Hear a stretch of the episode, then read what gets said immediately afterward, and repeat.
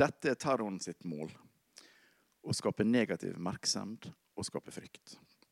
Men hvordan preger terroren de som blir direkte ramma, som skadde, traumatiserte eller som pårørende?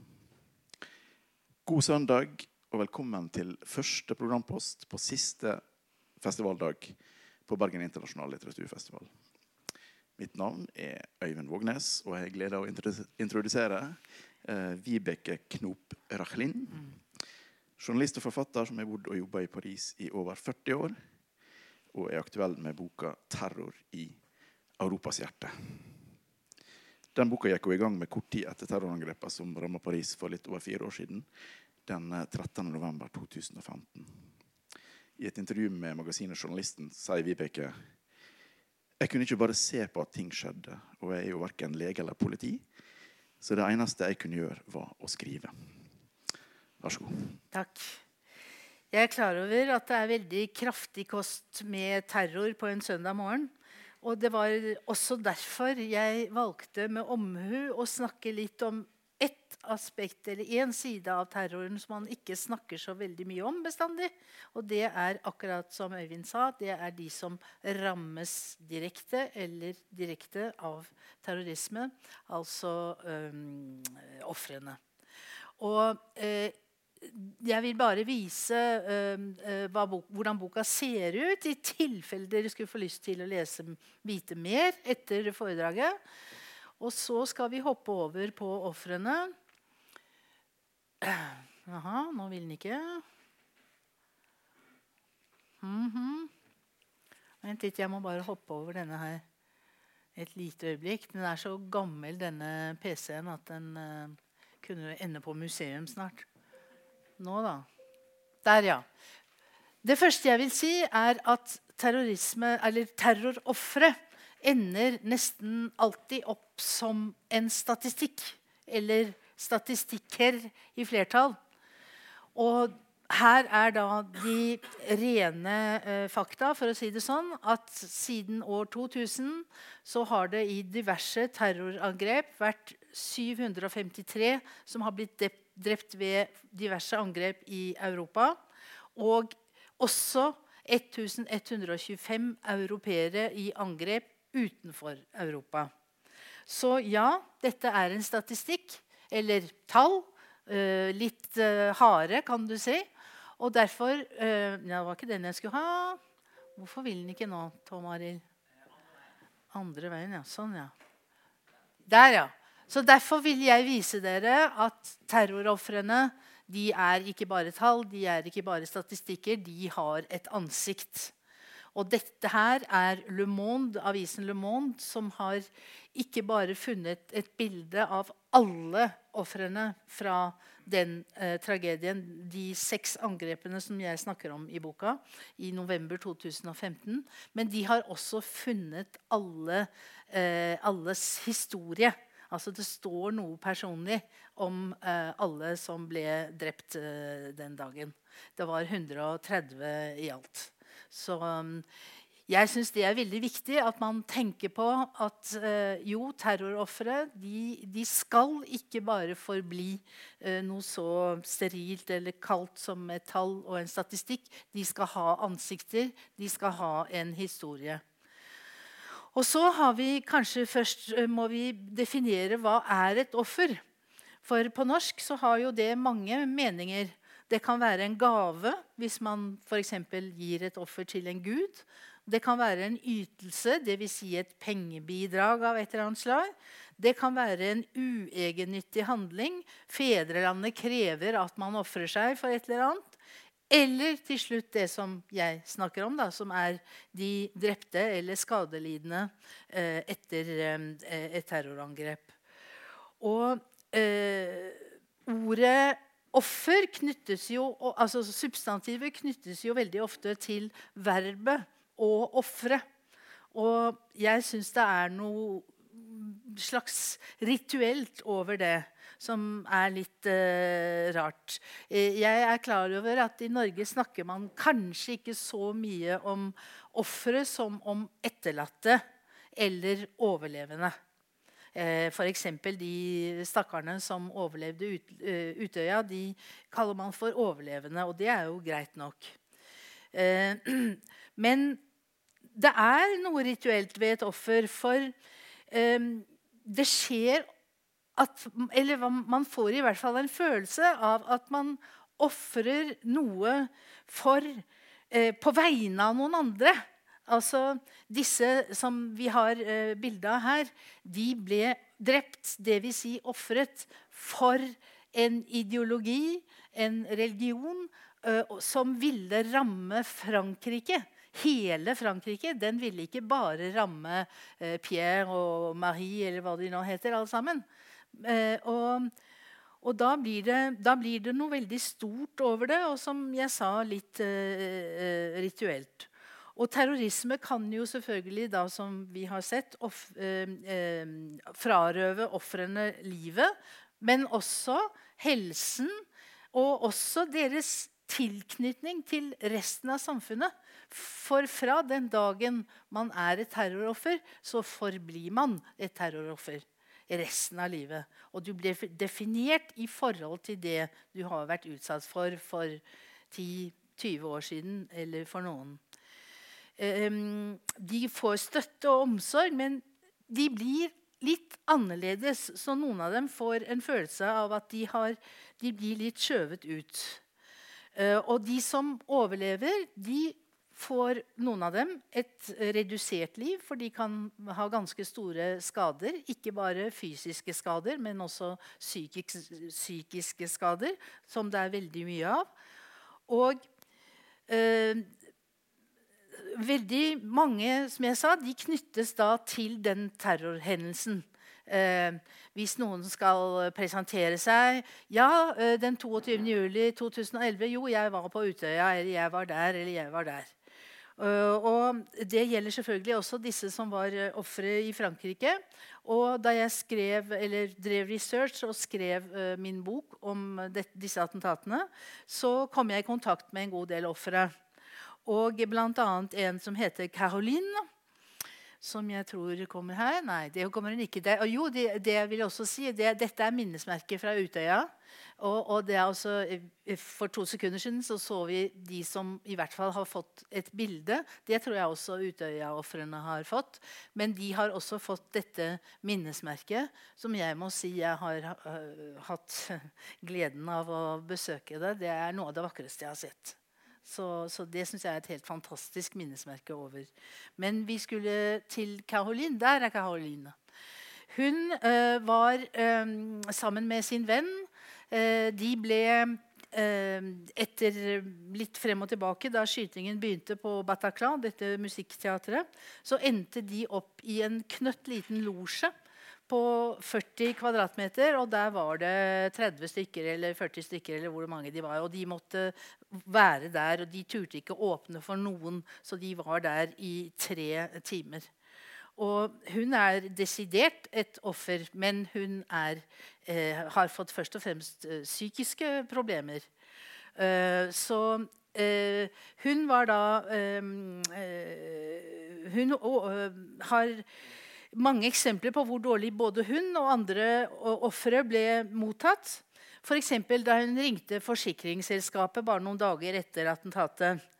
Så sa, da, da etterlyste hun en jakke som hun hadde mistet under det som skjedde på Bataclan. Og så sier forsikringsagenten men du er jo verken død eller såret. Har du ingen anstendighet overfor de sanne ofrene? Aha, Hun skjønte da at fra den dagen hun var ikke et sant offer. Hun var et uh, falskt offer, siden hun verken var død eller fysisk såret. Og det eh, er ganske vanskelig å takle i hverdagen, kan jeg forsikre dere. Og Senere så skjønte hun at den jakken hun hadde glemt igjen, hvorfor den fikk en så stor betydning eh, for henne, det var ikke fordi hun hadde fysisk glemt igjen en jakke. Det var først og fremst fordi hun hadde på en måte mistet eh, sitt egentlige jeg, eller sin uskyld, i, i de timene på Bataclan. Um, og så tar det veldig lang tid, i hvert fall i Frankrike, før man blir godkjent uh, offisielt som et offer. Um, jeg, vet, jeg, tror det var mye raskere her i Norge faktisk, etter 2000, altså 22. juli. Men um, i Frankrike så er, var jo ikke dette på noen måte de første attentatene Frankrike opplevde. opplevde. Eh, så allerede i 1980 så ble et terroroffer definert som et eh, eh, krigsoffer. De laget en ny kategori som de kalte for sivilt krigs, krigsoffer for attentater og gisselsituasjoner. Men kan man egentlig kalle det som foregår, for en krig? Det, noen kan se det sånn. De franske myndighetene så det absolutt sånn den kvelden. For da var det jo seks angrep i Paris på nesten samme tid.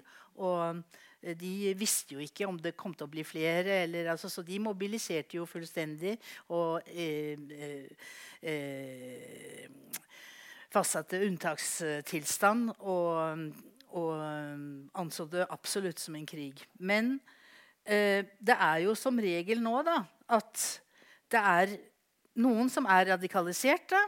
Og som PST nettopp har sagt når det gjelder Norge, så kan det like gjerne være islamister som høyreekstreme radikaliserte grupper eller enkeltpersoner som slår til mot det de anser eh, eh, som et mål, men som ikke alltid er det egentlige målet. For som jeg sa i sted, det kan være at man vil ramme eh, ikke bare noen muslimer, sånn som han eh, Manshaus i, i, Bærum, men at man vil ramme islam, religionen, ved å gjøre det man vil. Man gjør. Og eh, treffer, eh, terroristene treffer ikke alltid det målet de er ute etter. Eh, F.eks. i NIS Eh, da den som dere kanskje husker, den lastebilen uh, kjørte gjennom folkemengden som var der fordi det var fyrverkeri og 14. juli, uh, der var en tredjedel av ofrene muslimer. Og dere skal vite også at 91% av ofrene for islamsk terror er muslimer. Så det er ikke så enkelt å definere hva, hvem som er hvem, og hva som er målet osv. Um, uh, og så får man da behandling, uh, heldigvis, uh, etter hvert for både fysiske og psykiske problemer. Og veldig mange av terrorofrene får det som heter posttraumatisk stress. Og da kan det ta lang tid før man eventuelt blir frisk av det.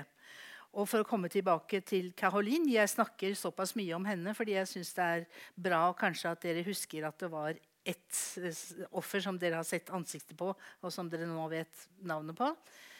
Hun har ikke bare psykiske problemer, men pga. sine psykiske problemer så får hun også fysiske problemer. For det henger nemlig nøye sammen. Jeg er ikke psykiater, jeg er ikke utdannet i det faget. Men eh, det er en veldig nær sammenheng med, mellom hva som er fysisk, og hva som er psykisk. Eh, så jeg kan jo si litt om meg selv, da, så kan dere tenke hvordan det føles. At da jeg skrev den boken Jeg var jo på ingen måte noe offer, jeg. Men jeg ble likevel så stresset av det jeg holdt på med, at jeg fikk et infarkt som ikke var et infarkt. Det var bare de samme symptomene fordi jeg var så stressa. Men jeg endte på sykehus og ble undersøkt, og alt mulig, men de konkluderte med at nei, det var ikke hjertet mitt, det var helt fint, men det var psykisk stress. Så det skal dessverre ikke så mye til før man ender der selv. Og eh, tilbudet har vært eh, bra, sier eh, et annet offer som vi skal komme til nå her, er bare litt jeg ville vise hvordan de har det etterpå. At de er ganske lost, da, for å si det sånn, med eh, de, dette med det posttraumatiske stresset. Og det er veldig mange måter å behandle det på. Eh, jeg skal ikke gå inn i det, for som sagt, jeg er ikke psykiater. Og jeg eh, er ikke lege heller, så jeg vil ikke uh, definere det så mye, annet enn å vise at det er ikke lett, og at det er heller ikke lett når det har gått en stund. Og det sier bl.a. han. Og han kjenner dere kanskje igjen. Han var på Utøya og ble skutt tre ganger. Han heter Adrian Prakong. Og dette er fra rettssaken mot Breivik, hvor han vitnet mot Breivik. Og han fikk altså så store også stressrelaterte og psykiske problemer at noen måneder etter terroraksjonen så slo han ned to personer på en pub i Oslo. Og um, han fikk da mye mildere straff enn han egentlig ville ha fått fordi han var et Utøya-offer og hadde posttraumatisk stress. Og da sier han Han fikk i stedet for fengselsstraff så fikk han 180 timers eh, samfunnstjeneste. Og da sier han at jeg skal ikke legge skjul på at jeg er et veldig godt eksempel på hvor ille det kan gå med en som får posttraumatisk stress. Og når det gjelder de som var på Bataclan, så har det også vært veldig forskjellige reaksjoner. En av dem, en 31 år eh, gammel mann som heter Guillaume, eh, begikk selvmord for ikke lenge siden. Han taklet ikke lenger å være offer og hele ja. Og andre eh, reagerer med å melde seg inn i Nasjonal Front. Le Pen. Eh, andre igjen blir alkoholikere. Og en av dem er siktet for selv å ha eh, truet noen, altså dødstrusler eh, med en annen person truet noen med døden. Um, og det ultimate øyeblikket for et terroroffer, det kommer snart. Eh, det må jeg si at jeg eh, som følger med på disse tingene, jeg var veldig imponert over det norske rettsvesenet. At de klarte å få den rettssaken i gang såpass fort. Og at alle som ville det, kunne vitne, og, og, og, at det gikk så eh, eksempel, Dere syntes sikkert det var aldeles hårreisende, men da dommeren eh, trykket Anders Breivik i hånden Det håndtrykket der internasjonalt gjorde et enormt inntrykk. At man kan være så trygg og ha et så fantastisk rettsvesen, rettsapparat, at det er mulig. Så Eh, når man kommer så langt som til rettssaken, eh, så eh, regnes det som jeg sa kanskje den, som den ultimate fasen av å være et offer og alt man har vært igjennom. Og så kommer rettssaken. fordi da stiller nesten alle ofrene seg det enorme spørsmålet som de ikke alltid får svar på, og det er hvorfor. Hvorfor gjorde denne personen det mot meg? Mot oss. Og det får de som sagt ikke alltid uh, svar på. Eh, nå uh, har Frankrike flere terrorrettssaker som skal begynne. den aller første er mot drapsmennene eller de som sto bak attentatet mot Charlie Hebdo. Og så eh, kommer det noe annet i mellomtiden, og så kommer den store store rettssaken eh, om attentatene jeg skriver om, altså fra 2015. Den kommer neste år. Og den er så enorm at de må bygge om hele eh, rettspalasset, altså justispalasset, eh, for å få plass til er, Jeg tror det er 3000 ofre som, som, vil være til stede, og alle har advokat osv. Så, og så, videre. så dere kan jo tenke dere hvor vanskelig det er. Men som sagt, eh, eh, veldig flott at Norge klarte å gjennomføre den så, så raskt. I Frankrike har de altså måttet eh, Neste år blir det jo da fem og et halvt år nesten seks år siden fant, attentatene fant sted. Og det er jo veldig lenge å, å, vente på den Hva skal jeg si? Det er på en måte en slags forløsning, i hvert fall i overført betydning. At man kommer til rettssaken og får se vedkommende dømt. Og det eh, jeg kan si eh, når det gjelder den rettssaken om et år, er at på en måte den personen som er mest kjent blant de tiltalte det, kom, tiltalte, det kommer til å være ganske mange tiltalte, det er han som var den eneste som overlevde de uh, attentatene i Paris. Han heter Salah Abdeslam, og her er han som jeg følger i min bok. For jeg var veldig opptatt av å prøve å finne ut hva slags type dette var, hvor han kom fra. Jeg har vært i Belgia, i den bydelen i Brussel som heter Molenbeck. Som dere kanskje har hørt om. som er liksom, eh, Trump karakteriserte det som 'the hellhole'. Og noen andre sier 'terrorens rede'. Og jeg vet ikke hva. Um, så, så han, jeg kan i hvert fall garantere at han kommer ikke til å åpne munnen. Han kommer ikke til å si et ord. Så det, de de eh, som forventer det, kommer til å bli skuffet. At han skal begynne å forklare hvorfor. Og han er jo den eneste som kan forklare det, for alle de andre er døde. Ble drept. Så det eh, er som sagt en uhyre viktig fase. Og eh, eh de har også, Ofrene har også en følelse av at de tiltalte skylder dem noe. Og i hvert fall ikke penger, selvfølgelig, men de skylder dem en forklaring. De skylder dem å si hvorfor de enten mistet en av sine aller kjæreste, eller selv ble skadet eller ja, ble drept. Og etter rettssaken, hva skjer da? Eh, er det mulig for et terroroffer å, å gjenoppta et helt uh, vanlig liv? Det er noen som klarer det, men jeg tror ikke det er så veldig mange. Kanskje man klarer det bedre i et land som Norge, hvor tross alt 22.07.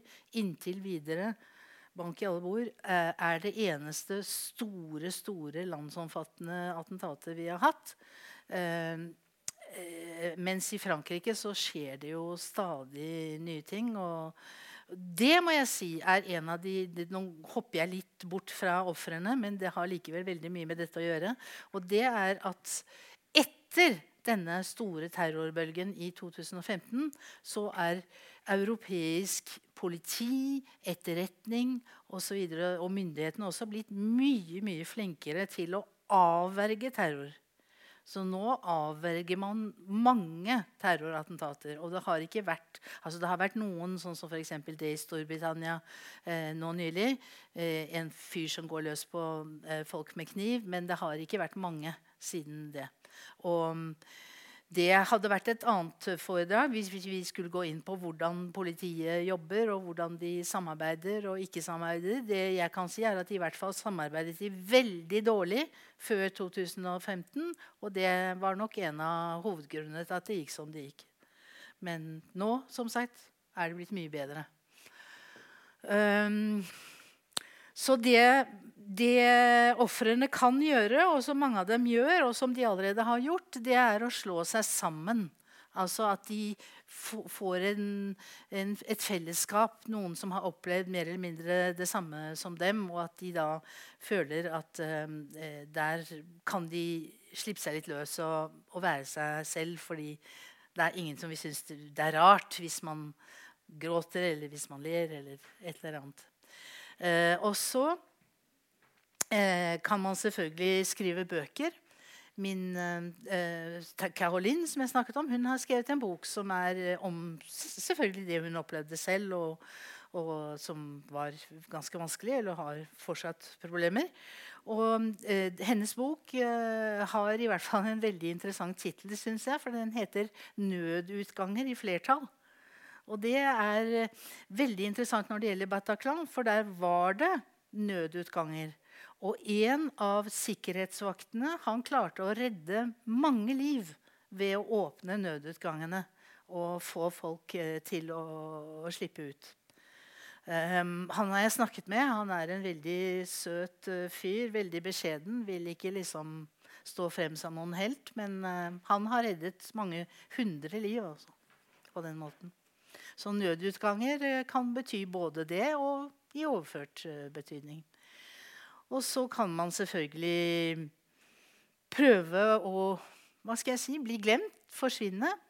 Uten å komme med noen navn og heller ikke noen historier, så må jeg fortelle det som skjedde da, jeg, da min bok eh, eh hadde eh, Altså, den ble sluppet da det var eh, ja, Plutselig glemmer jeg ordet. ja, takk. Lansering, frøken. eh, og eh, Da satt jeg og signerte bøker, og så sto det plutselig en mann foran meg. Og så bare hvisket han til meg. Jeg var der sånn. Hæ? Og så viste det seg altså at han var på Bataclan sammen med tre kamerater. Og de klarte å komme seg ut, men de har aldri villet stå frem med sin historie. Og de vil ikke Altså, de vil være helt anonyme. Men jeg satte dem i kontakt med Caroline, så nå har de i hvert fall fått ø, erstatning. Og da syns jeg at det, det, ga meg en veldig god følelse at ø, boken min hadde tjent til noe. Om ikke annet. Og så kommer vi til det som jeg syns egentlig er litt vanskelig. Og det er at eh, Jeg har sagt at rettssaken er det ultimate, men egentlig så er det et begrep som er det ultimate. Og det må jeg bruke et fremmedord for, og det er resiliens. Er det noen av dere som i det hele tatt forstår hva jeg mener når jeg sier det? Nei? Eh, da skal jeg hjelpe dere litt med en definisjon som jeg fant i Forsvarets eh, forskningsinstitutt. Det defineres og forstås på ulike måter, men begrepet brukes ikke bare for terrorofre. Men felles for alle definisjonene er at de omhandler en persons evne til å opprettholde sine funksjoner til tross for at han eller hun utsettes for stress og påkjenninger. Eh, så det er altså Grunnen til at jeg er nødt til å bruke ordet resiliens, er at alle som jobber med disse sakene, da vet hva jeg snakker om. Men jeg syns det er vanskelig å oversette det. Det er akkurat det samme ordet på engelsk, så det har ikke noe med fransk å gjøre. Men altså, hva betyr det egentlig? Jeg kan ikke eh, gi noe bedre eh, definisjon enn at man at det er akkurat det at man på en eller annen måte føler i hvert fall da, at man har kommet over det man har opplevd, og at man mer eller mindre klarer å gjenoppta et uh, normalt liv. Så det er uh, den uh, virkelig ultimate følelsen. Så jeg syns at når det gjelder er jeg, jeg, er veldig glad for at dere kom. det må Jeg si. Jeg har ikke tenkt å avslutte riktig ennå, men jeg vil si det. Fordi kanskje dere kan hjelpe meg til å bringe videre den tanken om at terrorofre skal, eh, de skal ha et ansikt, de skal ha et navn. De skal ikke bare forsvinne i en statistikk. Og da eh, tenkte jeg bare å vise dere Dette her er eh, hvordan franskmennene gjorde det en gang. Det var vel eh, Jeg tror det var to år ja, etter attentatene. Så satte de altså navn på disse eh, lyktene. Og så de, eh, lot de dem seile på scenen. Det syns jeg var ganske vakkert. Og så selvfølgelig vil jo mange av dere huske det. Og det er jo veldig vakkert og, og, og gripende. Men jeg har litt følelsen av at terrorofrene som begrep, da, eller de som virkelig eh, ble rammet, at de ble litt glemt under det blomsterhavet der. At man den dagen Å ja, vi må legge ned blomster. Men husker man på det nå, f.eks. etter eh, disse årene? Eller vil man huske dem fortsatt? Altså, nå har jo NRK kommet med denne serien nettopp, som sikkert mange av dere har sett. Og den syns jeg også var veldig veldig god, selv om ikke den handlet direkte om ofrene. Men ne kanskje nettopp derfor var den veldig bra, syns jeg. da. Men... uh, det må jo dere Men jeg håper at dere vil være med på nå og huske på det. kanskje ha Det som, det er derfor jeg vil vise, vise noen bilder. At dere kan ha det på netthinnen og, og, huske det. Og så, monsieur Øyvind, hvis du nå vil uh, høre Ja. Tusen takk. Syns vi fortjener en applaus da, for foredraget. Eh, det blir åpent for spørsmål eh, fra dere. Eh, dere kan tenke litt på, på det. Men jeg kan ta et første spørsmål. Jeg var i Paris i høst, og det som, en av de tingene jeg tenkte, det var at um, hverdagslivet virker jo altså, Alt er som vanlig. Ja, men du har bodd der i 40 år, og når du er bare på besøk, så får du med et sånt lite inntrykk. Men vil du si at hverdagen en, har endra seg i byen? Ja. Sånn som, ja. Det vi er desidert siden har. Uh, Bl.a. med alle disse sikkerhetssjekkene. Uh, det er noe av det tydeligste. Men eh, du vil også oppleve f.eks. hvis eh, Jeg vet ikke om du tok metroen. Ja, eh, da vil du sikkert eh, altså Kanskje ikke du, da, men jeg i hvert fall eh, opplever da at eh, La oss si noen har med seg en litt stor Behøver ikke være koffert, men eh, en litt stor pakke eller et eller annet. Hvis vedkommende legger igjen den pakken og går Kanskje han har glemt den igjen, men da får jeg hetta med en gang. Og det er jeg ikke sikker på om, om eh, dere tenker så mye på. Og jeg har faktisk etterlyst mange ganger eh, at jeg syns man her i Norge er, har litt for store illusjoner om at man, Norge har jo vært rammet av terror. Og det har vært rammet nå nylig en gang til. Og det er ingenting som sier at Norge kommer til å bli spart i evig tid for terrorisme. Og derfor syns jeg at nordmenn burde være litt mer oppmerksom på det. Kanskje franskmenn er, er for oppmerksom på det, og, men ikke nok her, syns jeg. da. Og, og, og, og Derfor var jeg veldig glad når PST, i tillegg til dette med at de nå vektlegger likt de to formene for terrorisme, så kom de med noen konkrete oppfordringer til at folk skulle være oppmerksom på det og det. Det syns jeg var veldig bra. Det var på tide. Jeg ser det, det viftes med en plakat der det står ett minutt på her, så da skal vi kanskje sikkert snart ha et nytt arrangement her inne. Men vi rekker jo ett eller to spørsmål hvis noen har noe. Ja. Skrev du boken først på fransk, og så Nei, norsk. Du har skrevet den på norsk. Mhm. mm. Så de som du traff eh, som, som hadde vært rammet av terror, var det noen norske? Det var nordmenn, ja. ja ok. Mhm. okay. ja. Men da Ja, tar vi en.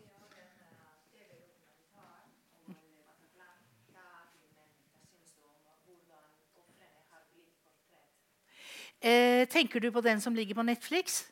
Ja, Den anbefaler jeg på det varmeste. Den er en fenomenal dokumentar.